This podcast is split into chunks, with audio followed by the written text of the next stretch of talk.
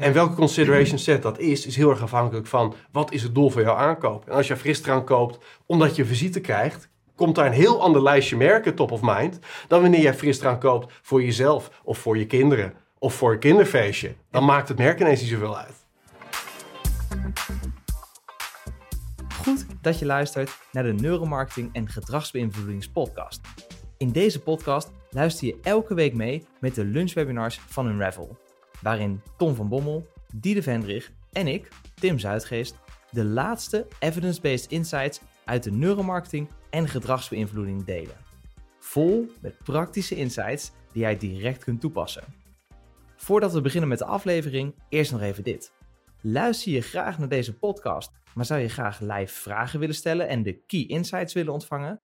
Schrijf je dan in voor onze webinars via unravelresearch.com. Zo mis je nooit de nieuwste evidence-based insights. Een hele goede middag bij weer een nieuwe webinar. Ja, hoe shoppers daadwerkelijk voor het schap kiezen. Dat, eh, daar, ik ben de tafel even aan het opruimen. Dat geeft helemaal niks ja. om, maar daar, dat impliceert dat, we, uh, dat shoppers, uh, dat, dat er nog wel eens wat anders wordt gedacht over hoe shoppers uh, voor het schap kiezen. Ja, nou ja, je, je, hoort heel vaak de term customer decision tree natuurlijk ja. in de context van shopper keuzegedrag. En dat veronderstelt al enige mate van best wel een rationeel, diep vertakt keuzeproces. We weten natuurlijk allemaal dat dat in de werkelijkheid niet plaatsvindt. Ik bedoel, kijk naar hoe je zelf uh, tot keuzes komt. Maar ja, hoe dan wel? Hoe kun je dat meten en hoe kun je op basis van inzichten over hoe we werkelijk kiezen een, uh, een schap optimaliseren om meer omzet te genereren? Daar gaan we het vandaag over hebben. Ik heb er alweer zin in. Leuk. Um, dus goed dat jullie er allemaal zijn. Eventjes uh, huishoudelijk gezien een aantal dingen. We vinden het ook altijd leuk, uiteraard, as usual. Uh, als je er bent, dat je het even laat weten in de chat, vinden we leuk. De chat staat hier ook live uh, aan, dus ik lees alles mee. En ik zeg uiteraard ook hoi tegen iedereen. Uh, dat gaan we zoals live eventjes doen. Uh, dus laat gewoon even weten dat je er bent. Vind het tof. Maar gebruik hem uiteraard ook om je eventuele vragen te stellen. En stel dat je nu een vraag hebt, dan mag dat natuurlijk al direct in de chat. En die proberen wij mee te nemen. En we hebben goed nieuws, uh, Tom. Want voor degene die de beste vraag stelt...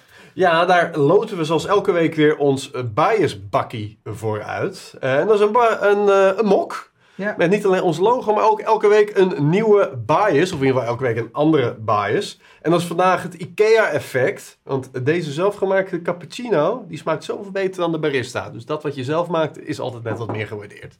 Juist, ja. dus dat is weer een, uh, een hele leuke. En die is dus voor degene uh, die wat ons betreft de beste vraag stelt. Dat is zeer subjectief, uh, maar dat is wel hoe het gaat. en wellicht als je dus inderdaad een goede vraag stelt, word je een van de gelukkige eigenaren van de mok. Dat mag ik daadwerkelijk zeggen, want we hebben een aantal hele leuke reacties van de mok-ontvangers al binnen. Goed, Without further ado, uh, zou ik zeggen, Tom, uh, laten we erin duiken. Ja, ja, en dat gaan we vandaag doen met een hele hoop uh, videovoorbeelden. we zullen dat uiteraard ook voor de podcastluisteraars wel goed proberen te beschrijven. Maar het hele webinar van vandaag, dat is gewoon gebaseerd op hoe we werkelijk kiezen. Nou, hoe meten we dat? Zoals je hier op deze sheet ziet, je laat gewoon een klant winkelen, zet die persoon een eye-tracking bril op en je kan exact zien waar ze kijken. En dit webinar staat eigenlijk in het teken van nou ja, de, de meest gangbare principes of de meest voorkomende wetmatigheden die we in die eye-tracking data tegenkomen. En dat hebben we opgesplitst in uh, eigenlijk drie onderwerpen. En dat is ook uh, nou ja, mooi opeenvolgend uh, hoe je dit qua onderzoek zou kunnen aanvliegen.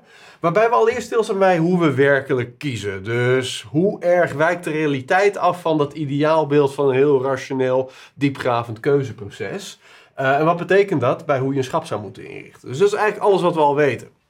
Vervolgens gaan we kijken naar de onderzoeksvorm die wij eigenlijk Neuro Decision Tree noemen. Dus er is natuurlijk wel zoiets als een keuzeproces, maar dat is lang niet altijd zo rationeel vertakt als een traditionele keuzeboom is. En toch kun je wel meten welke um, clusters binnen een categorie van producten eigenlijk het meest logisch zijn volgens het brein. Want ons brein heeft natuurlijk een soort van mentale indeling van categorieën en subcategorieën.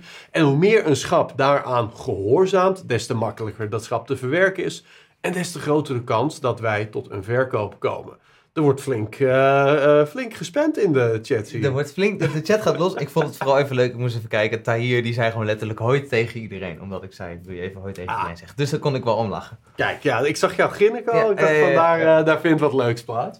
En dan tenslotte, dus nadat je eigenlijk leert hoe kiest nou de consument of de shopper, dan komen daar natuurlijk inzichten uit. En die inzichten wil je het liefst toetsen. Hè? Dus je leert dat een bepaalde eh, keuzeregel al dan niet een rol kan spelen in het schap. Nou, dan wil je dat kunnen testen, dus eigenlijk neuroschap testen. Om van tevoren te meten, leidt dat tot een omzetverbetering. Nou, daar hebben we mooie praktische cases van en, eh, en, en concrete voorbeelden. Even, de case die we gaan behandelen, is dat van een gesuikerd drankje?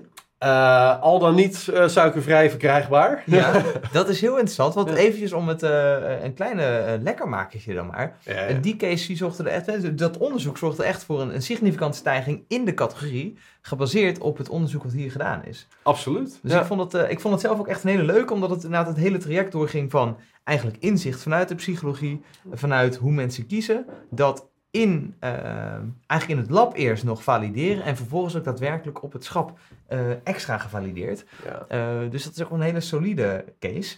Ehm, en jullie mogen gokken om welk eh, suikervrij dan wel niet suikervrij drankje het wellicht gaat. Ehm, dus dat. Ja, nou ja, daar gaan we zo dadelijk eh, absoluut bij, eh, bij stilstaan. Maar allereerst even de basis, hè. eye tracking. Wanneer je dat in de winkel toepast. Vooral wanneer klanten dat voor de eerste keer doen met ons. En ze krijgen die footage onder ogen te zien. Dan schrikken ze zich rot.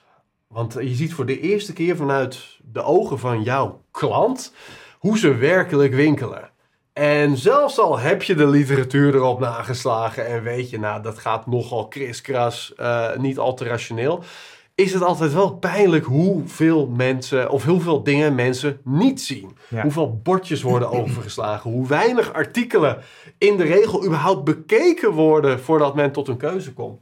Die automatische piloot die probeert eigenlijk altijd zo makkelijk mogelijk tot een acceptabele keuze te eh, komen. En dat komt omdat veel moeten nadenken in een eh, winkelomgeving enorm cognitief taxerend is. Winkelen klinkt raar, maar het is wel zo. Is al stressvol. Dus als je daadwerkelijk zeg maar, de dag qua stresspieken zou moeten meten, dan zijn er momenten dat we naar een supermarkt gaan of naar een winkel gaan, de tamelijk stressvollere momenten van zo'n dag.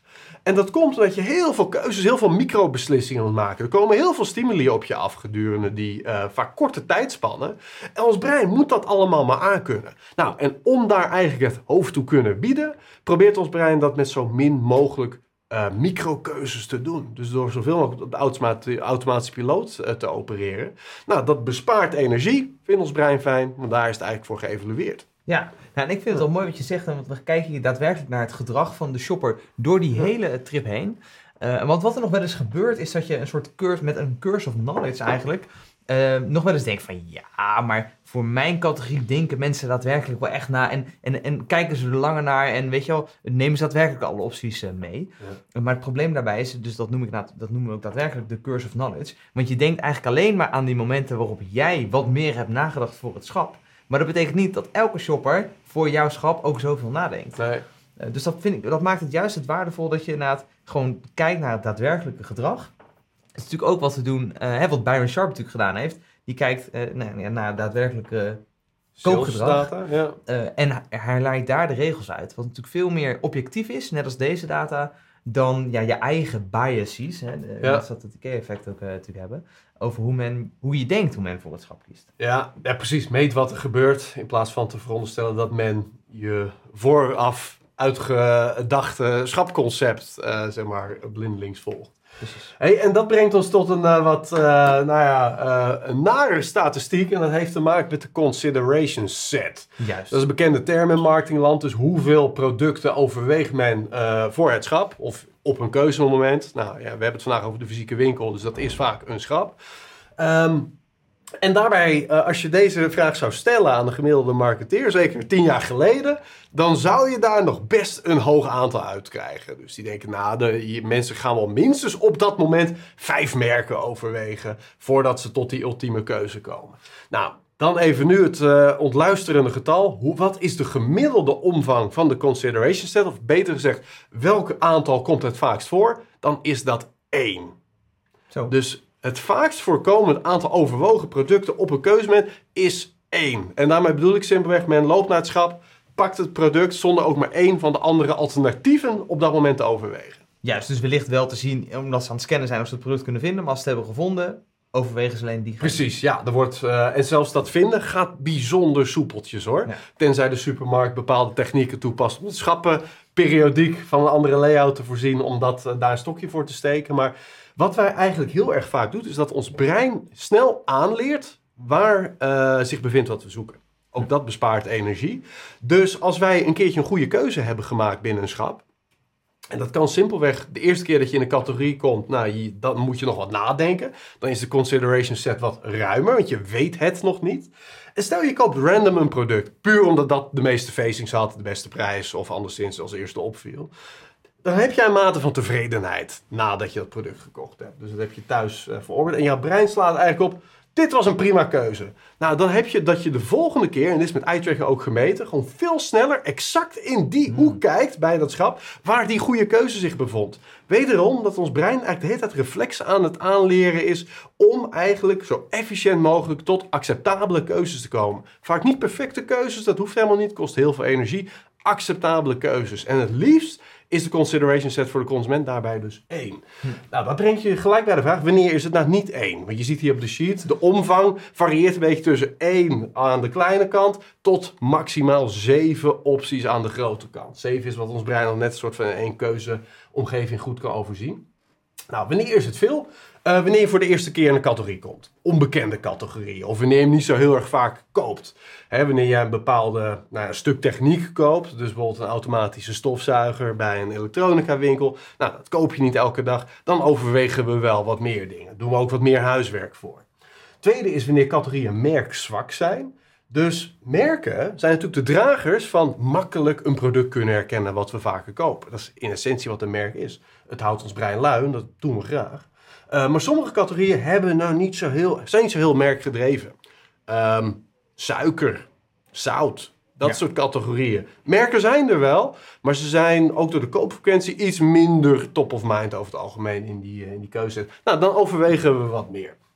En tenslotte bij hele prijzige producten. Simpelweg omdat we dan gemotiveerder zijn om daar daadwerkelijk wat meer energie in te steken. Nou, dan is die consideration set wat groter.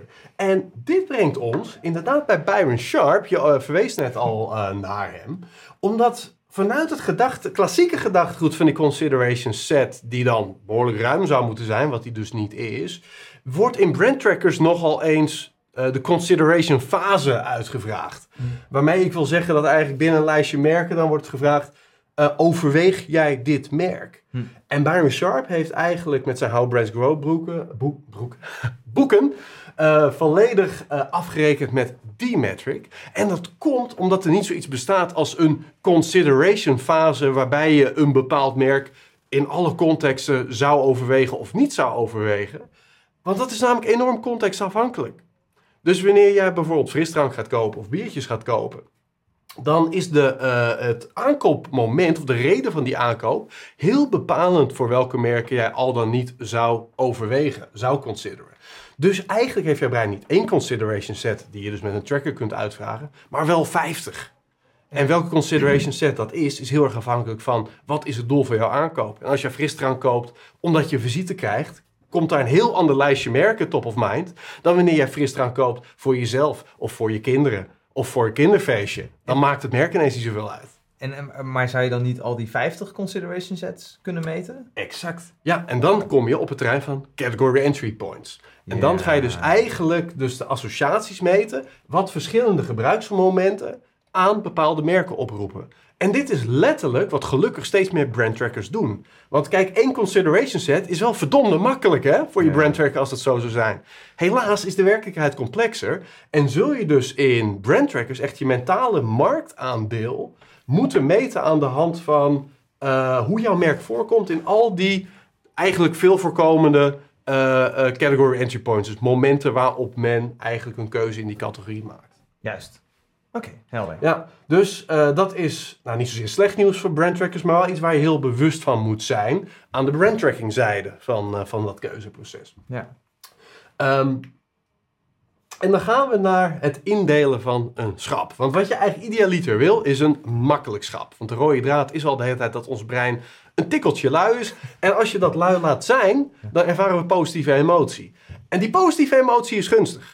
Want hoe positiever we zijn, hoe minder we ons met prijzen bezighouden, hoe meer we willen kopen. En ja, daar komen eigenlijk heel wat uh, gunstige uh, psychologische effecten van voor de winkel en voor de merken die daar liggen. Ja. Dus idealiter wil je het zo makkelijk mogelijk maken voor de hersenen. Nou, hersenen die hebben natuurlijk categorieën, categoriestructuren eigenlijk. Dat is wat category, of niet category entry points, wat um, decision trees beogen uh, te bloot te leggen, beogen te meten. En laten we eens een voorbeeld nemen. Stel, hè, je hebt hier een Red Bull energiedrankje en Coca-Cola Classic, de klassieke cola. Nou, dat zijn twee dingen, daar voelen we wel wat anders bij. Dat zijn twee separate vakjes in ons hoofd, twee andere categorieën. Dan komt hier Coca-Cola Energy Drink. Iets wat zich eigenlijk op het snijvlak van de categorieën bevindt. En dan de vraag aan jou en ook eigenlijk aan de chat en iedereen die uh, kijkt en luistert. Uh, moet die Coca-Cola Energy Drink in een vakje bij de Red Bull en de energiedranken staan? Of zou die in het vakje bij het merk Coca-Cola moeten staan? Poeh. Ik, ik zou nu uh, op het eerste gezicht zeggen, die zou ik bij de energiedranken zetten. Mm -hmm. Omdat het de energiepropositie is.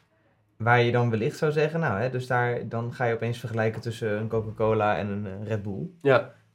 Tenzij wellicht je zou zeggen, maar dit is even op basis van wat hij hiervoor zegt. Stel dat je bij die Red Bull categorie, je, dat, dat bijna iedereen maar één merk overweegt, zeg Red Bull. Mhm. Dat je dus niet eens al eigenlijk overwogen wordt. Dan zou het dan misschien slimmer kunnen zijn om bij de cola categorie te gaan liggen. Ja, om, om Uh, vanuit de regular cola een soort van te denken, nou, ik ga eens een beetje cola met extra energie, dat kan ik wel gebruiken. Wellicht, I Ja. don't know. Ik- Nou ja, wat je in je antwoord gewoon heel goed verpakt, is dat het er simpelweg op neerkomt. Wat is het startpunt in de behoeften van de consument? Komt de consument daar ehm, de categorie binnenlopen met het gevoel van, ik heb een energiedrankje nodig? Dan is dat het startpunt. En dan is Ja. merk eigenlijk de tweede. Maar het kan ook zijn dat eigenlijk merk heel erg domineert in, dat keuze, in die keuzehiërarchie. Dus dat mensen, ik wil een Red Bull hebben. Of ik wil een Coca-Cola hebben. Maakt niet uit. Maar dat merk de eerste factor is in dat keuzeproces. En uiteraard is dat niet voor elke consument hetzelfde. Dus aan winkels is eraan gelegen, en eh, mensen die voor de categorie verantwoordelijk zijn, om bloot te leggen wat voor de grootste groep kopers het startpunt is. Nou, dat is wat klassiek eh, eh, decision tree onderzoek beoogt te doen. Maar dus vaak lastig maakt omdat het zo nou ja, van een hiërarchisch keuzeproces uitgaat.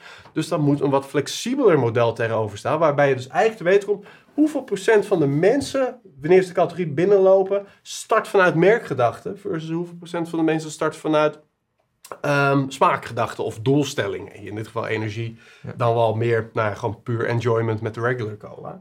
En dat kun je meten met eye tracking. Want in die eye-tracking fixaties en de vergelijkingen die men daarin maakt, zowel vroegtijdig in het keuzeproces als juist wat later, daar zit heel veel informatie in verscholen wat die dominante factoren zijn. En vaak als je daar mensen vraagt, dan krijg je een heel ander antwoord dan hoe men werkelijk koos, omdat we dat juist zo op de automatische piloot doen. En zo dadelijk gaan we dus zien hoe we dat met eye-tracking kunnen isoleren.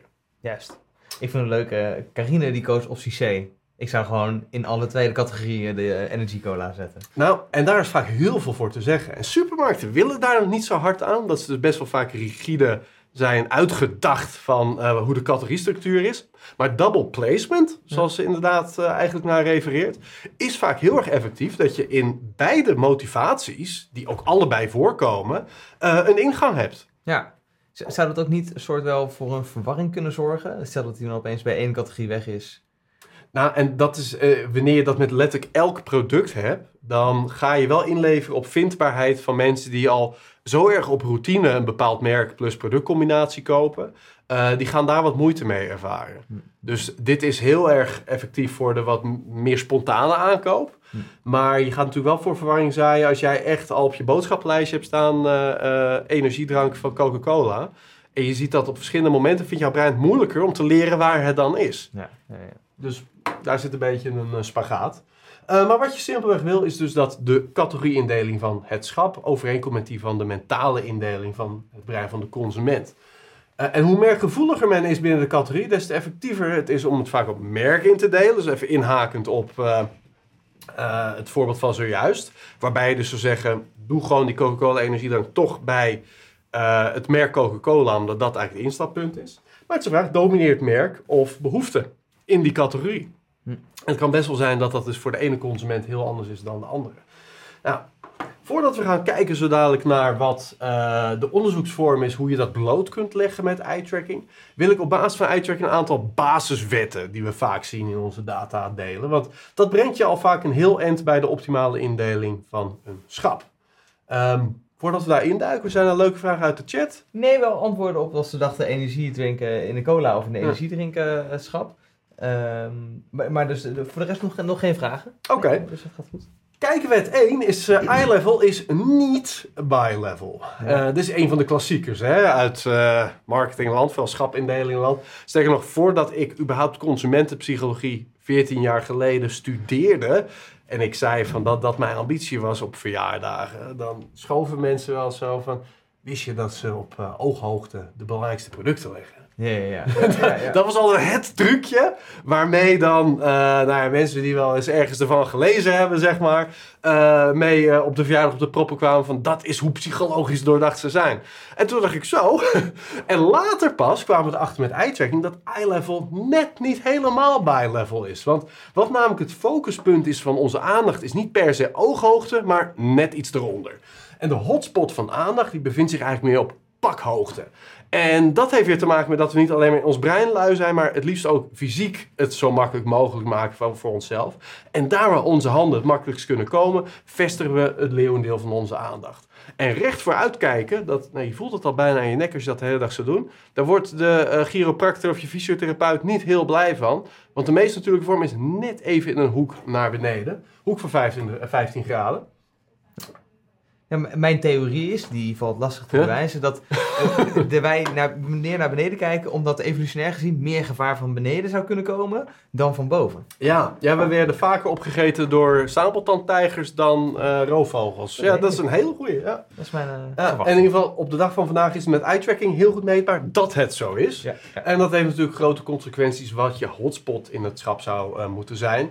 Voor signaalproducten en natuurlijk voor hardlopers, dingen die je het liefst zou willen verkopen. Doe dat dus tussen 1,25 meter en 1,50 meter. Daar verkoop je in de regel het meest. Tweede kijkwet is dat we in de eerste instantie heel horizontaal gefocust zijn. En pas zodra we een stapje verder in het keuzeproces zijn van welke smaakoptie wil ik bijvoorbeeld, dan pas gaan we verticaal kijken. Voor schapindeling, en dit is gelukkig een bekende hoor, ehm, is het dus zo dat we geneigd zijn de grotere verschillen op de horizontale as te verwachten. Juist. Dus eh, zeg maar de suikerhoudende frisdrank, nou hoe moet ik het anders zeggen? De frisdrank om van te genieten is een heel ander soort categorie dan de frisdranken die wat functioneler zijn, wordt ook functioneel genoemd, zoals energiedranken, eh, sportdranken en dat soort zaken. Nou, dat grote verschil verwachten we horizontaal en het smaakverschil tussen suikerhoudend of suikervrij of eh, überhaupt smaakvarianten verwachten we op de verticale as. Nou, als je dus schappen op die manier indeelt, qua grote verschillen horizontaal, kleine verschillen verticaal, maak je het het brein wederom makkelijker. Nou, en zodra je een stap verder bent in het keuzeproces, dan sta je voor dat schap. En dan valt automatisch jouw oog op het een en ander. En soms is dat, of wanneer je eh, daar vaak koopt in die categorie, simpelweg de plek waar jij het vaakst gekeken hebt in het verleden. Zoals we net zagen, jouw brein leert dat aan. Ehm, dus bijvoorbeeld de A-merken die altijd koopt, of juist het huismerk, dat is voor iedereen anders. Maar soms heeft het brein geen a priori zoekverwachting. En dan moet het eigenlijk een soort default modus kiezen, waar ik als eerst kijken. Nou, die default modus hebben we heel goed in kaart gebracht met eye tracking. Want daar blijkt de central gaze bias te bestaan. En dat is simpelweg dat we in een schapmeter, of anderhalve meter van een schap, geneigd zijn eerst in het horizontale midden te kijken. Dus wat je hier op deze sheet ziet, in het midden, horizontaal, kijken we altijd als eerst. Vervolgens naar rechts en dan naar links. En pas dan kijken we eigenlijk naar, dus we gaan eerst de contouren invullen en dan pas kijken we nog een beetje ertussenin wat daar zich qua opties nog bevinden. Dus jouw belangrijkste product, hardloper of anderszins iets wat je als signaalproduct wil laten dienen, zet het in het midden van die schapmeter. Eh, want daar valt verre qua aandacht het meest te halen. En dan de vraag, waarom kijkt men vaker eerst naar rechts en dan pas naar links in plaats van andersom? Oeh, ik vind dat, dat- Dus dat, ja, het- dat is een goede vraag. Ik, ehm, ik denk eigenlijk omdat wij misschien van links naar rechts lezen. Zou dat zo simpel kunnen zijn? Eh, nou, bijna. Je zit wel eh, close. Eh linkshandig hebben precies het omgekeerde eh, effect qua volgorde. Zou je zien. Ja, Dus rechtshandigen, die zijn, je kunt natuurlijk, wanneer jij voor een schapmeter staat, is jouw rechterhand de primaire hand waarmee je producten Mm. pakt. En het is heel makkelijk om die rechterhand naar een rechter product te brengen dan een linkszijdig product. Dus hier weer, ja sorry jongens, maar we zijn echt lui hoor. En dat is wel hoe je een winkel moet indelen. Fair enough. Ja, Eh, want eh, we weten, 80% van de mensen is rechtshandig. Ja, ja, ja, precies. Dat, jij niet hè? Nee, Nee. linkshandig. Dus, eh, Guilty as charged. Ja, eh, de personalisatie op dat vlak is nog niet eh, mogelijk. Maar het is uiteraard zo dat eh, eh, in online contexten bijvoorbeeld, Oeh. waar dit natuurlijk wel zo werkt, Mhm. met moet je de winkelwagenknop eh, op je smartphone althans in de rechtsonder of linksonder doen, Ja. hebben, heb je wel dit soort effecten dat je kunt personaliseren. Dit zou ook interessant zijn. Je zou ook, zeg maar, hè, als je naar een categoriepagina kijkt, niet eens op mobiel, maar gewoon op desktop. Mhm. Wellicht kan je, je, moet kunnen achterhalen of aan je hand van hoe jij je muis beweegt, of je linkshandig of rechtshandig bent. Ja.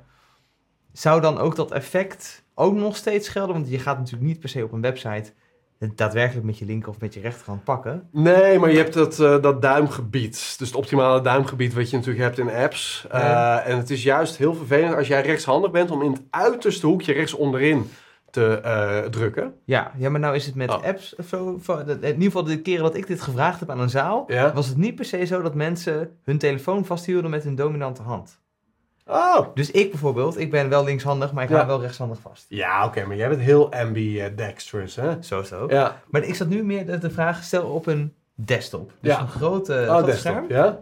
Ehm, je zou kunnen achterhalen of ik linkshandig of rechtshandig ben aan de hand van hoe ik mijn muis gebruik. Ja. Ik denk dat je daar wel eh erachter kan komen.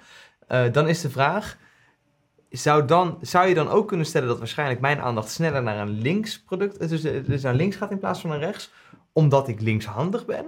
Terwijl ik natuurlijk online niet het daadwerkelijk met mijn linkerhand ga pakken. Ja, ik denk niet zo heel hard.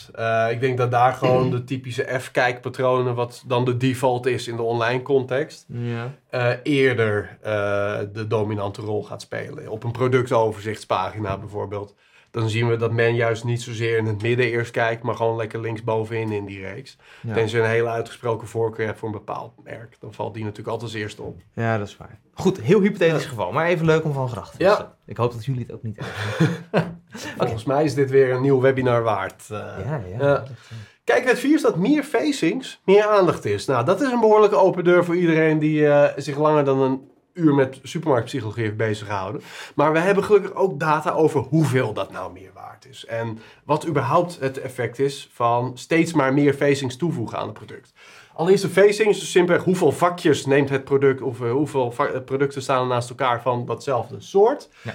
Ehm, en idealiter eh, heb je er meer dan één, want daar valt veel winst te behalen. Dus een verdubbeling van het aantal facings resulteert gemiddeld in 29% meer productinteracties. Dus de kans dat men het even oppakt, bekijkt, hè, erop fixeert, neemt gewoon toe naarmate het product meer schapaandeel eh inneemt. Eh, maar dat roomt wel steeds meer af. Dus de sprong van 1 naar 2 facings is veel waardevoller dan de sprong van 2 naar 4 is. Of van 4. Nou, dus op een gegeven moment zijn het een beetje marginale returns. En dat werkt vooral goed voor populaire merken. Dus ga dit ook niet toepassen om iets wat men nog helemaal niet koopt, en masse neer te zetten. Want dan denken mensen ook, huh, interessant, Ja. maar niet juist. Eh, dus het moet wel verdiend zijn gegeven de merkbekendheid. En de schappositie blijft ook wel dominant hierover. Dus beter iets minder facings op die pakhoogte waar we het zojuist over hadden, dan heel veel facings hebben, maar dan alleen maar heel erg laag in het schap bijvoorbeeld. Juist. Tenzij je bijvoorbeeld echt een budgetproduct bent en je daar ook gezocht zou worden. Maar over het algemeen, die positie is belangrijker. Ehm, nou ja, en dat zijn natuurlijk wel van die dingen. En de vijfde kijkwet is dat contrast opvalt. Nou, dat is heel belangrijk voor schapindeling, ook wel voor eh, verpakkingsdesign. En daar heb ik wat eye-tracking data van. Dus hier zie je eye-tracking footage. En hier zie je wat producten naast elkaar gestapeld in donkere en lichte verpakkingen. In de eerste instantie daar zojuist. En je zag dat dat lichte product tussen die twee eh, donkere verpakkingen heel goed opviel. En dit is ook een goede eh, schapregel natuurlijk om producten wanneer je die indeelt van licht donker, licht donker, licht donker in te delen. Steeds met een eh, wissel daartussen, een contrast daartussen. Dat men ook eigenlijk heel erg goed duidelijk kan zien waar het ene eh, product op begint en het andere ophoudt. Ah, dat is wel eh, interessant. En, is het standaard zo dat... En wat op zich, je kan opvallen dan met licht donker, maar je zou natuurlijk ook een hele extreme kleur kunnen gebruiken. Zeg even pimpelpaars. die niet usual is voor de categorie, waardoor Ja. je dus wel opvalt, maar wellicht wel een negatieve ja, vibe krijgt in het keuzeproces, omdat je denkt dit, Ja. dat, dat het gevoel niet klopt. Klopt, ja, nou, dat is exact wat het is. Dan val je wel meer op, maar ten koste van wat precies? Niet ten koste van je aan, of in ieder geval wel ten koste van de, de koopactivatie in het brein. Juist. Eh, want wat je natuurlijk gaat zien is, nou ja, net als wanneer je een hele rare verpakking in het schap zou, eh, zou neerzetten. Ja, het valt wel op, ja. Maar gaan mensen het ook kopen? Nou, waarschijnlijk niet. Dus wanneer een bepaalde kleur zo ver buiten de comfortzone van de categorie valt, dan offer je meer op dan dat je wint met die aandacht. Ja, ja, ja, ja daarom. Ehm, Lois die vraagt, ehm, is het aantal facings ook voor soortgelijke producten? Dus hè, stel dat je dus rode, gele en groene curry hebt eh, met een soortgelijke verpakking. Zie je dat dus als drie facings of is het eigenlijk drie keer één facing? Nou, een merk krijgt wel degelijk meer aandacht daardoor. Ehm, die, die testen zojuist waren echt op niveau van individuele SKU's. Ja. Eh, maar het is natuurlijk zo dat je wat meer een, een sterk blok vormt als merk. Eh, dat geldt dan juist wat meer voor merken die anderszins juist niet op zouden vallen. Ehm, dat gewoon meerdere productvarianten lekker bij elkaar dat merk sneller doen laten opvallen als een aanwezig merk binnen dat schap. Ja. Terwijl bijvoorbeeld iets als Coca-Cola is zo herkenbaar dat als je dat eh, heel chaotisch door een schap zeg maar, zou indelen, dus niet een brandblok maar heel chaotisch door het schap, eh, zij daar als aanmerk nog best wel garen bij spinnen ook. Omdat juist binnen chaos ons oog het snelst valt naar het meest bekende merk. Hm. Dus voor een heel bekend merk is dat dan weer net andersom. Maar juist voor een hele range aan merken daaronder is het vaak goed om een, eh, een brandblok te hebben. Ja. Juist, dus inderdaad even een beetje de vraag inderdaad, wil je brandblocks of wil je dus productenblocks? Ja. Juist, oké. Nou, we hadden het er net al over customer decision trees en eh, de neuro-variant daarop. Want het is natuurlijk zinvol om inzicht te hebben in welke productfactoren of onderscheidende kenmerken nou leidend zijn in het keuzeproces. En dat is wel degelijk het geval, ook al is dat niet een heel rationeel keuzeproces. Dat kun je meten met eye tracking. En we doen dat soort schaponderzoeken eigenlijk altijd in twee fases. Dus enerzijds moet je weten hoe men op dit moment kiest. Om tot inzichten te komen hoe dat schap beter kan. En in de tweede fase, zodra je dus met eye-tracking inzicht hebt gekregen in dat keuzeproces, ga je een schap layout test doen.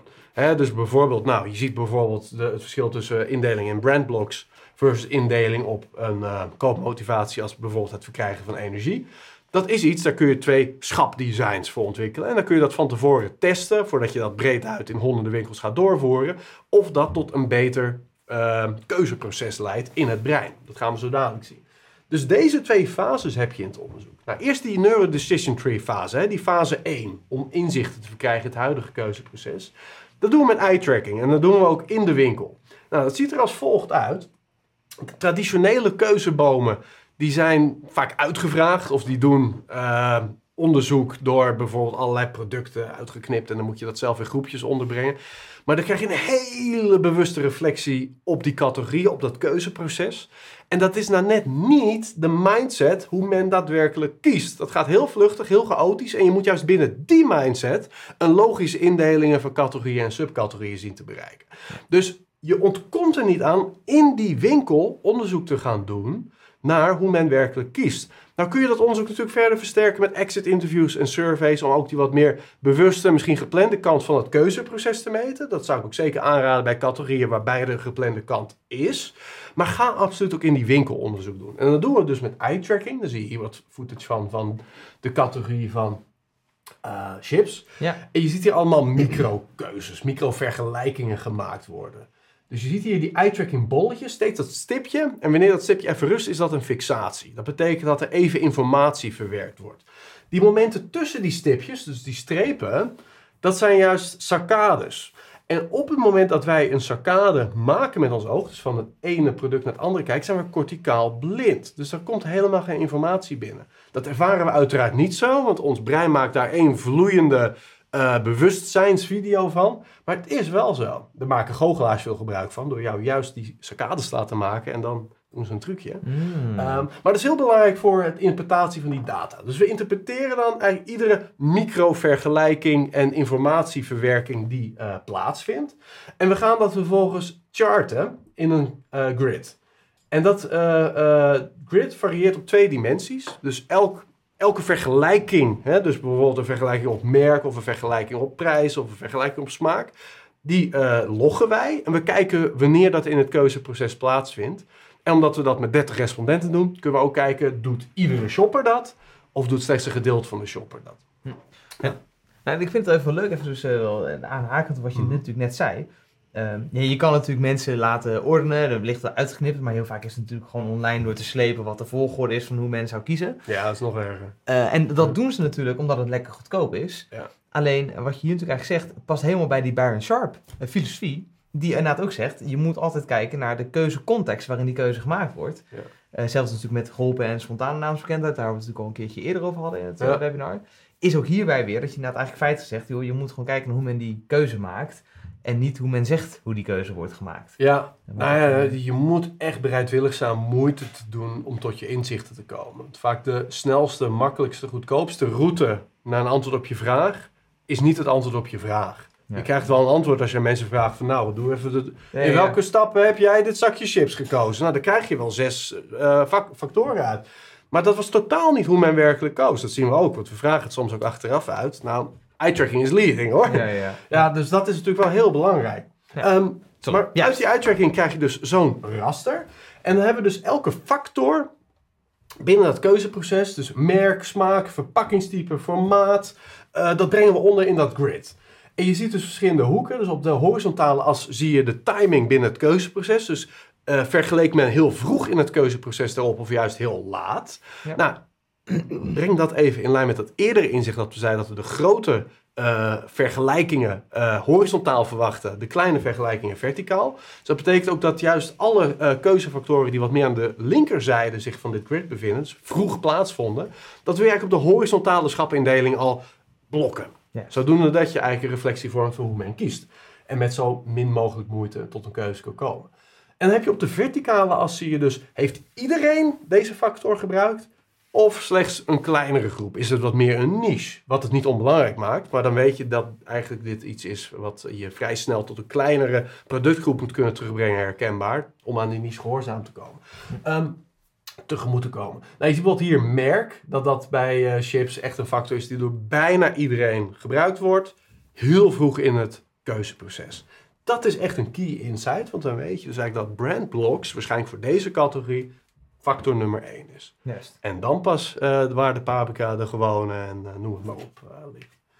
Ehm, en daar kun je dus ook bepaalde vergelijkingen in maken. Of wil je wat discussies mee beslechten. Want je hebt dan best wel vaak een interne discussie. Gaan we het eerst indelen op smaak en dan daarin de merken?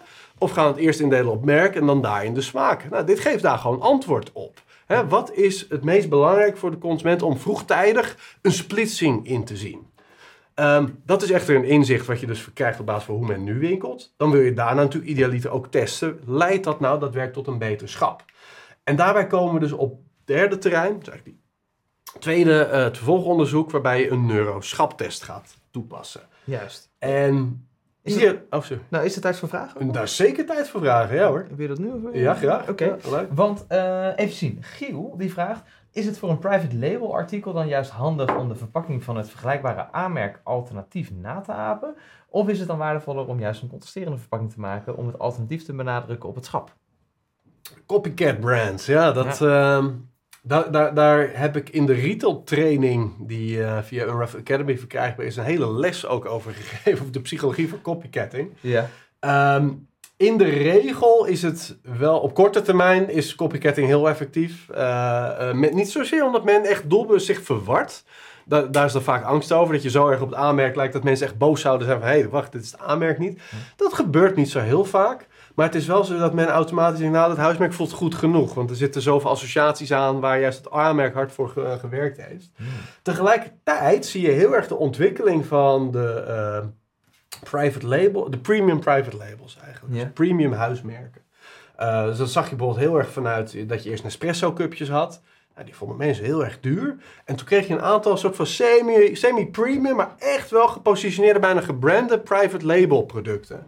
Daar valt ook volgens Byron Sharp eigenlijk op lange termijn veel meer te halen. Dus dat je en een huismerk bent en misschien ook wel de associatie hebt van dit is de goedkopere, maar nog altijd kwalitatief goede keuze. Eh, maar tevens echt een merk wordt. En een copycat merk wordt nooit een merk. Ja. Dat is gewoon korte termijn winstbejag. Dus dat is echt, wat is je strategie vanuit het product dat je daar hebt staan. Ja, je, ziet bij Albert Heijn even specifiek daar echt een keuze in eh, gemaakt bij veel categorieën. Dat ze echt zeggen, we gaan hier merken bouwen. Ja. Dus de, de Perla, maar ook eh, Delicata. Ja, van, eh, absoluut. van de chocola natuurlijk. Ja, en dus op korte termijn is dat misschien echt omzet eh, even, of het is dat je wat geduld moet hebben. Ja. Maar op lange termijn ga je er plezier van hebben. Ja, interessant.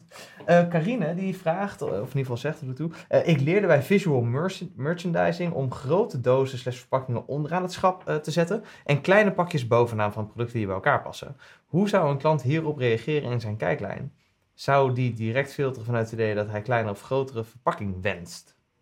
Ja, gaan we het zo over hebben. Die, eh, die komt letterlijk langs. Eh, die Ja. komt zo. Nou, Ja. Carina, je hebt een vooruitziende blik. Lois vervolgens. Gaat men tijdens een uitwerkend onderzoek niet anders kijken dan normaal omdat er een opdracht is? Nou, ik kan deze wel eh, invullen. Eh, met een, ehm, ja, nou, het, het korte antwoord is nee. Wat je eigenlijk ziet, de eerste paar seconden is men bewust van het feit eh, dat, men, eh, dat er meegekeken wordt. Maar daarna zie je eigenlijk gewoon heel snel dat men op de normale tour eh, gaat winkelen. En, ehm, en ook hè, als we zelf die uitwerkingbril dragen, zie je dat eigenlijk ook gebeuren. Je bent, zeker die nieuwe bril die we hebben, die, die valt eigenlijk niet eens meer op. Het is een soort, ja, soort eh, normale bril die je Ja, eigenlijk eh, draagt. Dus je, je bent er eigenlijk niet zo heel bewust van. Eh, en dat zie je dus ook alweer terug natuurlijk in de data die we eruit krijgen en de conclusies die we eruit kunnen trekken die vervolgens geverifieerd worden op de winkelvloer. Eh, maar er zijn ook zeker wel momenten geweest waarop ik de bril op had, waarvan ik even dacht bij mezelf, Tim, focus eh, om hier te blijven kijken en niet eh, je te laten afleiden. Tuurlijk, ja. En het is ook niet erg als het wel zo is. Hè? Dat, dat is ook een belangrijk iets om te beseffen. Dat iets hoeft niet 100% perfect te zijn om tot inzichten te, te leiden waarmee je veel zult verdienen. Hmm. Ehm, net als stel je bent ziek en er is een medicijn, maar het is 90% effectief. Wil je dan het medicijn niet? Want het is niet 100%. Ja. Je wilt Ja, ja, ja. altijd verbeteren. En aantoonbaar leiden eye-tracking inzichten tot meer omzet wanneer je die implementeert. Zelfs al is er een klein filtertje van bewustzijn van, oh ja, ik bedoel wel mee aan een onderzoek. Goeie. Ehm, even zien. Eh, Daphne, wat is de impact van promo op ons keuzeproces voor het schap? Dus dan neem ik even... verschilt eh, heel erg per eh, categorie. Promo is wel typisch een van die factoren die we ook meenemen in, eh, in die keuzeboom die we eigenlijk net zagen. Of het is dus niet zozeer een boom als wel een keuzegrid. Ja. Eh, maar de mate waarin men zich bezighoudt met de aanwezigheid van promo en op welk moment dat zo is, is gewoon een van die factoren. En dat geeft veel inzicht. En soms is dat heel vroeg, dan weet je, hé, hey, er zit wel echt iets qua indeling ook. En soms is het bijna een vinkje achteraf. Oh ja, ik wilde eigenlijk al dit product. En fijn dat het ook in de promo is. Dan is het natuurlijk iets anders. Ja, ja, leuk. Ik dacht trouwens ook natuurlijk, als prijs bijvoorbeeld, door veel mensen, dat zagen we natuurlijk net, Mhm. eh, in het specifieke eh, gemaakte voorbeeld natuurlijk, eh, door veel mensen later wordt meegenomen. Dat is natuurlijk ook een mooi voorbeeld om pricingonderzoek eh te doen. Ja. Om te zien hoe, en wat dan een goede pricing is. Ehm, even zien. Keith, die vraagt: Nemen jullie bijvoorbeeld ook mee dat de keuze voor bijvoorbeeld brand ook thuis al gemaakt kan zijn in plaats van in de winkel? Dus hè, of het, ik neem aan dat hij eigenlijk hier Mhm. bedoelt. ehm, staat het op het boodschappenlijstje, de ja of de nee? Ja, dus dan heb je echt een heel top-down keuzeproces. eh, waarbij de consideration set bijna op het moment van de winkelvloer één is. Tenzij je daar echt nog een soort Ja. van... eh, dat het product zo overtuigend zich in je aandacht weet te nestelen. Ja. Eh, de- de- kijk, je, je doet het onderzoek met echte shoppers. En daarvan zit gewoon een gedeelte geplande aankoop en een gedeelte ongepland. Ehm, dat is iets wat je dan ook uitvraagt met het exit interview achteraf. En vervolgens de data in kan opsplitsen. Dat je zegt van, hey, ziet het er bij die geplande shoppers, zien we een ander eh, kijkproces eigenlijk plaatsvinden dan bij de mensen die gewoon spontaan tot die, die productkeuze zijn geworden, Ja. gekomen. Ja, ja, ja, precies. Ja, want eventjes in het, in het kader van dit soort van onderzoek Mhm. zou het inderdaad echt zo daadwerkelijk zijn dat we op de winkelvloer de, de participanten werven, even in technische termen. Dus in feite gewoon zien, vragen, wil je meedoen met het onderzoek? Zij gaan vervolgens eh, winkelen zoals ze dat normaal zouden doen. En omdat ze dat doen zoals ze normaal doen, kan het zijn dat het op de boodschappenbrief stond of niet. Leuk. Ehm Lois trouwens, oh, is, ja. nou, dat is geen vraag, maar een opmerking, maar wel een leuke. Eh, leuk trouwens om jullie bij Brainhack eh, ook te zien. Eh, daar was ik twee keer in Oh, ja. te zien. Dus leuk dat je het zag, Lois. Ik kreeg veel, veel reacties, maar ook weer leuk om te horen. Ehm, vanmiddag komen ze hier filmen voor. Hoe heet het programma? Pointer. Pointer. Ja. Dus binnenkort zal deze, mijn, ta mijn ta- tafel, heertafelgast, eh, de, de, de tafelheer, te zien zijn ook bij Pointer van Caro en CV. Anyways, laten we doorgaan. Ja, want eh, je hebt eh, zojuist zien hoe je dan met eye-tracking onderzoek in de winkel tot inzichten komt. Van hoe het schap beter zou kunnen. Maar vervolgens kun je ook testen of dat zo is. Nou, de ultieme test is natuurlijk in de winkel zelf. Maar is Hm. kostbaar, kost ook veel tijd. Ja. Dus het liefst wil je wel echt die hypotheses fijn slijpen totdat je dat werk in de winkel moet doen. En daar is gelukkig de neuroschaptest voor. Nou, die neuroschaptest doen we gewoon in het lab. Dus je moet je eigenlijk voorstellen dat we dan verschillende schaplayouts aan jou laten zien. Of althans, daar moet jij een keuze in maken. En daar laten we je zowel vrije keuzes in maken van kies gewoon wat je aantrekkelijk vindt. Versus doelgerichte keuzes. We willen eigenlijk al die verschillende koopmotivaties waarmee men in die categorie komt, dat, dat gaan we testen. Ja. En vervolgens gaan we dus per schapdesign kijken van hoe goed is die te verwerken. Dat doen we enerzijds met eye tracking. Dus worden eigenlijk de afzonderlijke productsegmenten op basis van die fixaties goed van elkaar onderscheiden. En kan men dat eh, eh, bij bepaalde eh, subgroepen, dat kun je op merkniveau doen, hoeveel procent meer aandacht krijgen die binnen die verschillende schapdesigns. Nou, dat correleert al erg met, met omzet, kan ik je zeggen. Alleen al die eye-tracking data. Ja. Maar dat is niet alles. We kijken ook in het brein wat er op dat moment gebeurt. Naar twee specifieke zaken. De eerste is verlangen. Hoeveel koopmotivatie ervaart men gewoon holistisch bij het zien van dat schap?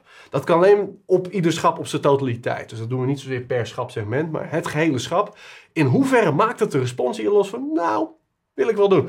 En dat is natuurlijk waar veel winst te halen valt. Hè? Vooral bij categorieën die wat meer op de impuls aankopen ook zitten. Frisdrank, chips, eigenlijk de halve supermarkt. Daar valt heel veel te halen bij die ongeplande aankoop. En de tweede neurometric is workloads. Hoe makkelijk is het schap te verwerken? Nou, op die manier kunnen we in kaart brengen welke, schap, eh, welke schapvariant optimaal is. En dus niet op één KPI, maar heel mooi holistisch, of zowel op eye tracking als die twee neurometrics. En dan komt er soms een overduidelijke eh, winnaar uit. En dan kom je gewoon tot hele praktische inzichten. Als je dus a priori eh, de schapvariant natuurlijk op die inzichten eh, laat verschillen. Bijvoorbeeld even bij kattenvoer. Dus een voorbeeld heb ik al eerder laten zien, maar ik vind het zo mooi illustratief hier. Plus dat het multipack vraagstuk, wat zojuist in de chat genoemd wordt, ook hier langskomt. Maar hoort kattenvoer links of rechts ten opzichte van hondenvoer? Oeh. Weet je hem nog? Ja, zo- ja, dat is, dat is ook de, daarmee de, de vraag van mijn geheugen waarvan wij beiden weten dat hij eh, af en toe mij ook in de steek laat. Ehm, op niet cruciale dingen, laat ik het zo zeggen. Ik verwacht dat hij rechts eh, van de honden Nou, het zit. blijkt dus links zo te zijn. Ja. Ja. Want intuïtief verwachten we kleinere producten, links Mm. op zich van groot. Dus we hebben gewoon die horizontale eh, verschilverwachting, klein is links. Ja. Eh, maar dat geldt ook voor het kleinere huisdier. Nou, natvoer, lager dan droogvoer. Zwaarder. Ja, Top. het is zwaarder. En lichtere dingen verwachten we hoog, want dat stijgt op. Ja. En dit klinkt bijna eh, psychologisch een beetje, hoe zeg je dat? Kwakzalverij. Nou, niet kwakzalverij, maar wel een soort van hoog, hoe, zo zit dat eh, gehalte. of eh, Psychologie van de quest. koude- Beetje koude grond. Maar dit soort subtiele verwachtingen scheppen heel erg bij... Stel, jij, jij hebt een viervoeter die, eh, die wil droogvoer. Automatisch kijk je eerst hoog. En wanneer in dat moment jouw verwachting gematcht wordt met de werkelijkheid... vinden we dat heel erg lekker. En vanuit die nou, positieve emotie koop je vaak meer. Minder prijsbewustzijn. is allemaal heel gunstig. Hm. Eh, en de derde, waar net naar gevraagd werd... Multipack verwachten we lager dan single pack. Dus mensen die met name a priori graag multipacks kopen, of zelfs dat op het boodschappenlijstje hebben staan, zijn net wat meer geneigd laag te kijken. Nou, dat krijg je dus al met die uitwerking eh, te zien. Ehm, en dit leidde in een onderzoek, niet door ons overigens hoor, door Procter Gamble uitgevoerd, tot 15% meer sales op de hele categorie, wanneer de dierenvoeding eh, categorie eigenlijk volgens al die basale principes ingericht werd. Ja. Nou, dan hebben we nu een voorbeeld, en dat is de case waar je helemaal in het begin naar refereerde over het suikerhoudende, al dan niet suikervrije drankje, eh, waarbij we ook een hypothese hebben getoetst. Ja. En die hypothese, jij wil wat zeggen? Nou, nou ik, wilde, ik wilde nog even terug, Ja? eigenlijk op net je net zei, dus dat, dat het dus best wel bijzonder is, wat je wellicht mensen niet verwachten, dat je dus dat die, de, de, die schaptest dus daadwerkelijk op de desktop hier in het lab kan uitvoeren. Ja. Ja, want eh, af en toe wordt de vraag eh, gesteld natuurlijk ook van ja, oké, is dat dan niet, niet realistisch? Want dat, dat zou je wellicht kunnen verwachten. Ehm, maar het antwoord daarop is dus gewoon een hele volmondige, nou ja, in zoverre, het kan dus heel goed. Je Het, kan het heel is goed zelfs doen. beter. Kijk, die invloed van die factoren die je echt in zo'n hypothese test, die zijn best wel eh, subtiel. Dat Ja. is nou helemaal zo. Dus je hebt een hele gecontroleerde omgeving nodig om de richting van die effecten bloot eh, te stellen. En natuurlijk is dat niet 100% een realistische omgeving, maar dat hoeft ook niet voor het doel wat je met dat onderzoek hebt. Sterker nog, op het moment dat jij voor die onderzoeksvraag, dus een hypothese-test op hele subtiele invloeden, naar de winkel zou gaan, dan heb je heel veel ruis. Juist. Nou, dus dat betekent dat je enorm grote samplegrootte nodig hebt om daar die ruis eigenlijk een beetje glad te strijken. Want het ene moment is druk bij het schap, het andere moment niet. Ik bedoel, er wordt continu mee gerommeld, er is weer ineens dat het product uitverkocht. Het is allemaal ruis, dat wil je er niet in hebben voor die fase van het onderzoek. Dus voor verkennend onderzoek ga je de winkel in, voor toetsend onderzoek ga je het lab in. Ja, nou, dat vind ik Ja. een mooi antwoord. Dank je. Eh, dat- er gaat iets vervelends aankomen, of niet? Ja, dat- dat- nou voor jou niet, voor mij wel. Ja. Kijk, dus stel je doet me, dus dit is even het kernprincipe waarop een schapinzicht wat je zo dadelijk gaat zien gebaseerd is. En dat is de prijs van genegeerd worden. Ja. Ja, de prijs van nee is dit eigenlijk. Dus stel ik laat jou aan een onderzoek meedoen. En daarbij krijg je steeds op een scherm twee gezichten te zien. Of steeds om een, eh, in random eh, trials een gezicht. Dat kan ofwel het gezicht van deze heer naast me zijn, Tim, ofwel het gezicht van mij, Tom. Nou, en dan krijg je de opdracht, als jij Tim ziet, dan moet je op een knop drukken. Als jij Tom ziet, dan moet je niks doen, moet je je inhouden. Na afloop van dit experiment, dat doe jij twee minuten, dus Tim drukken, Tom niet drukken, negeren. Ga jij meetbaar Tom net wat minder sy- sympathiek vinden dan voorheen en Tim net wat sympathieker dan voorheen. Want jouw brein heeft aangeleerd, de ene persoon is negeren, is nee, en de andere persoon is ja. Nou, dan denk je, oké, hoe is dit relevant voor schappen? Ja? Dat heeft te maken met het feit dat op het moment dat jij voor een keuze staat en die keuze is eh, moeilijk ehm, en jij kiest vervolgens voor optie A, automatisch optie B het labeltje nee krijgt. Nou, dat is ongunstig. Een moeilijke keuze is sowieso ongunstig voor het schap, omdat je dan ook nog namelijk optie C hebt en dat is namelijk doorlopen. Ik hoef vandaag geen cola, want het verschil tussen Pepsi Cola, Cola Cola, ik weet het even niet wat ik nu wil. Ik doe het maar niet. Nou, dus je wil het brein natuurlijk geen eh, uitweg geven, namelijk die optie 3 van we kopen niks. En daarbij zijn moeilijke keuzes dus funest. En op categorieniveau betekent dat wanneer je twee marktleiders, dus nummer 1 en nummer 2, naast elkaar zet, dat vaak een moeilijke keuze is. Want die hebben eigenlijk allebei dezelfde aantrekkingskracht. Dat horen deze merken zelf liever niet, want die denken dat ze allebei heel uniek zijn. Maar juist Byron Sharp laat zien dat het heel erg vaak eh, een beetje een polygame situatie is. Dus de mensen die vandaag Coca-Cola kopen en morgen die kopen ook wel een keertje Pepsi dit jaar en andersom ook. Is niet zo heel veel merktrouwheid. Dus ze appelleren eigenlijk allebei aan merkgevoel, premium. Ehm, terwijl een huismerk op een heel ander gevoel appelleert. Namelijk een betere deal, betere prijs-kwaliteit verhouding. Ehm, en wat je dus eigenlijk het liefste wil, zoals uit veel onderzoeken blijkt, is tussen, dat huismerk, of tussen die twee aanmerken een huismerk zetten. Zodoende dat je eigenlijk twee keer een makkelijke keuze krijgt. Want aanmerk A plus huismerk is makkelijk. En huismerk en aanmerk B is ook makkelijk. Hm. Maar die twee topmerken bij elkaar, dat is moeilijk. En je wil geen moeilijke keuzes in je schap. Nou, dat hebben we volgens getest met zo'n neuroschaptest. En we hebben de case hiervan recentelijk eh, kunnen publiceren eigenlijk. Want wat hebben we nou gezien? We hebben daarbij al, tal van schapvarianten in samenwerking met Frumona. Dus dat eh, is van Pepsi. Ehm, of andersom, Pepsi valt onder de vlag van Pepsi wordt in ieder geval in Nederland uitgegeven door Vermogen. Juist, dat is exact de juiste zin. Dus nou, met hun hebben we dit eh, onderzoek gedaan. Is dus recentelijk ook in verschillende vakmedia gepubliceerd. En we hebben gekeken, houdt deze, eh, dit principe nou ook stand in de frisdrankencategorie? Nou, dat bleek het met vlag en wimpel te doen in, de, eh, in het labonderzoek. Dus we zagen in de eye-tracking, hey, als je er een huismerk tussen zet, dus die twee brandblocks bouwt en een huismerk ertussen, meer aandacht voor iedereen. Dus dat was al gunstig. Meer verlangen in het brein en een lagere workload. Dus eigenlijk alle boxes waren gecheckt. En toen dachten we, oké, dat willen we nou ook in de winkel testen. Op dit specifieke principe. En daaruit bleek een categoriegroei. Dus niet groei van één enkel merk, maar de hele categorie van 3%. Dus gemiddeld ging alles met 3% omhoog. Ja. Huismerk, aanmerk, alles. Ja, dit is echt bizar. Ik vind het sowieso heel Ja. tof dat zowel Vrumona als de supermarkten hieraan hebben meegewerkt. Ja, Want het is, dit is best wel een big deal. Ja. eh, want de, vooral de medewerkers op de winkelvloer die vinden het niet leuk om dat schap dan weer anders te moeten inbouwen. En dat, daar zitten heel veel implicaties achter, eh, zelfs op organisatorisch niveau, om dat schap dus Tuurlijk. anders te krijgen dan dat ze van tevoren dachten. Ehm, maar dan dit eruit halen en 3% is geen... geen eh, Als je bedenkt wat dat op jaarbasis eh, eh, met zich meebrengt, ja, dat, eh, dat is natuurlijk heel waardevol. ja, En die case kun je lezen op unravelresearch.com slash cases. yes. Ja, biasbakkie. De Wat, hamvraag. eh, wat was de beste vraag vandaag, eh, Tim? Ja, dat wilde ik eigenlijk ook aan jou vragen, Tom. Maar, ehm, dus dat is inderdaad de handvraag. Even zien. Kijk, we begonnen natuurlijk met eh, Lois. Die vroeg, Mhm. hè, hoe zit het met de facings? Ehm, we hebben ook natuurlijk Giel met de private label artikelen. Hè, dus de, de copycat vraag. De En de vraag van Carine over de visual merchandising, die we wij laatst natuurlijk op ingingen over groot en klein. Ja. Ehm Lo is ook weer met eye-tracking onderzoek. eh, dat een normaal versus eh, dat ze niet normaal kijken, dan, eh, omdat ze weten dat ze worden onderzocht. Ehm, ja, Kieft met de vraag van, hè, wordt het meegenomen dat, dat het merk thuis ook kan worden gemaakt? Of de keuze Nou, ik vond vooral het, de vraag over ehm, geplande keuze versus ongeplande keuze. Vond ik een goed. Ik vind het altijd leuk als we goed natuurlijk op het scherpst van de snede ook over onze eigen methodiek uitgedaagd Ja. worden. En dat is natuurlijk een hele terechte vraag waarbij we ook eh, nou ja, zeker iets mee doen. Eh, door juist dat als uitsplitsing op de, op de data eh, te hanteren en te kijken, hey, zien we dan vervolgens een ander keuzeproces in die winkel? Dus het doet die planning ertoe voor schapindeling. Ja. En dan kun je daar vervolgens natuurlijk weer je conclusies aan verbinden, praktisch, hoe dat schap dan ingedeeld zou moeten worden. Dus die vond ik wel. eh, Van Keith. Van dus, Keith, Hè? dus ja. jullie ook mee dat de keuze had, eh, van Brand ook thuis Ja. gemaakt.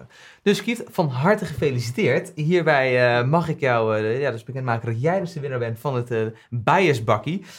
Een unieke komt dus jouw kant op. Wil je daarvoor wel even jouw gegevens mailen naar tom.unravelresearch.com. Dan zal Tom ervoor zorgen dat de collega's het bakkie, in ieder geval de- het kopje... kon ik hem hoogstpersoonlijk inpakken en op de post doen. Zo, ik dacht, je zegt, komt u langs? Kom-. Dan hoop ik dat Keith ook in Utrecht woont voor Dat- jou. ja. Nee, ik eh, ga overmorgen op vakantie, dus het wordt helaas eh, de PostNL eh, Juist, route. ja, ja, ja. Ehm, ja, gaan we afsluiten, Tim? Of zijn er nog laatste vragen in eh, de chat? Anders is dit het moment om die te stellen. Ja, nou, wat dat verdiepende vragen, dat ging eventjes over de, de, de case van Procter Gamble. En Giel die zegt van ja, natte voeding zit toch vaak in kleinere verpakkingen dan droogvoer. Waarop je dan weer die klein-groot as wellicht eh, als... eh, Nou, daar zit natuurlijk overlap in, inderdaad. En, eh, da- daar was dit Amerikaanse onderzoek en daar zijn sowieso alle verpakkingen echt giga. Dus ik weet niet helemaal hoe het daar exact zit. Ja. Ehm, maar het is wel in die zin, qua hoe de verpakkingsformaten daar gangbaar zijn, ja, ja, was het logisch om dat voor laag te leggen. Ja. Ja, precies. Ja, want dat is ook een Elmer die eigenlijk erop doorgaat. Ja, die was benieuwd naar de rationale achter waarom droogvoer boven natvoer. Hoewel, Nou, het voelt dat vaak zijn die verpakkingen daadwerkelijk lichter en ook de unieke, de brok als zodanig is minder, minder licht. Of ja, sorry, Lichter, is luchtiger. Ehm, ten opzichte van natvoer, wat een behoorlijk compact pakketje is van eh, ja. voeding voor je kat. Dus, eh, dus ehm, hoe heet het? Ja, dus, dus Elmer eigenlijk daarop het, het rationale erachter was lichte producten, dingen die je daarvan je denkt dat het licht is, die verwacht je hoger en Ja. zware lager. Eh, dus ook een light product zou je ook hoger verwachten dan bijvoorbeeld Een een hele niet goeie. light product. Ja. Ehm, is met koekjes ook getest. Ja. Luchtige koekjes, hoog. Luchtige koekjes gaan dus ook omhoog. Ook eh, op de verpakking van eh Maltesers zie je ook dat de, de producten wat hoger op de verpakking zitten, want het zijn luchtige snoepjes. Terwijl bij M&M's, waarvan je ook wil dat de zak wat zwaarder weegt, liggen ze wat weer lager op de verpakking. Dus ook daar zie je de... Zelfs verpakkingsdesign werkt dit nog. Ja, ja, precies.